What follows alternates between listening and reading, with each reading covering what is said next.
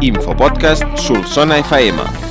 Hola, què tal? Tornem també a la rutina després de Nadal amb un resum de l'actualitat de la setmana en 3 minuts. Aquesta setmana s'ha fet la primera reunió tècnica pel traspàs de Torà i Biosca al Solsonès. El president del Consell, Benjamí Puig, ha advertit que serà un procés llarg i complex.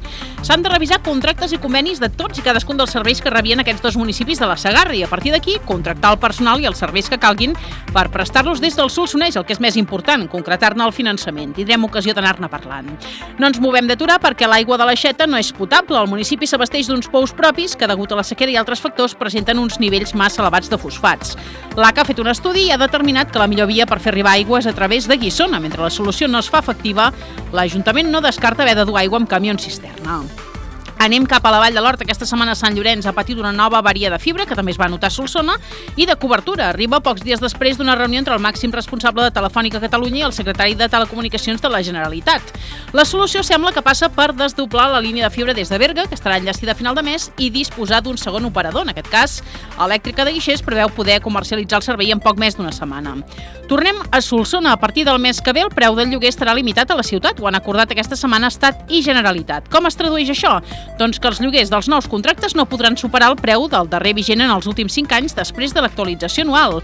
No té efectes retroactius i distingeix en funció de si l'amo del pis és un petit propietari o un gran tenidor.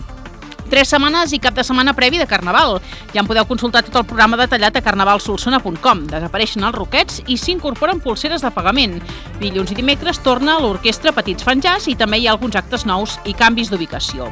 Sapigueu que dilluns arrenca un nou club d'escriptura a la biblioteca per joves i adults. El dirigirà la filòloga i professora solsonina Carme González Graell.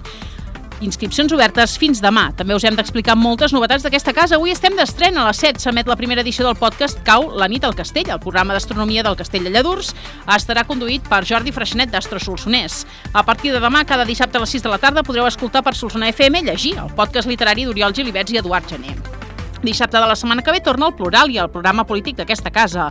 Parlarem d'habitatge amb representants de tots els grups municipals. Podeu enviar-nos preguntes o reflexions per ells per correu electrònic o per missatge privat de Twitter o Instagram fins dimecres. L'agenda ens porta avui la presentació d'un llibre sobre el Parkinson. Al pati gòtic del Consell Comarcal s'inaugura una exposició de Marta Ricard, produïda pel museu. El Club Bàsquet Solsona proposa demà una xerrada sobre nutrició esportiva i a Sant Llorenç hi ha la festa de Sant Antoni Abat.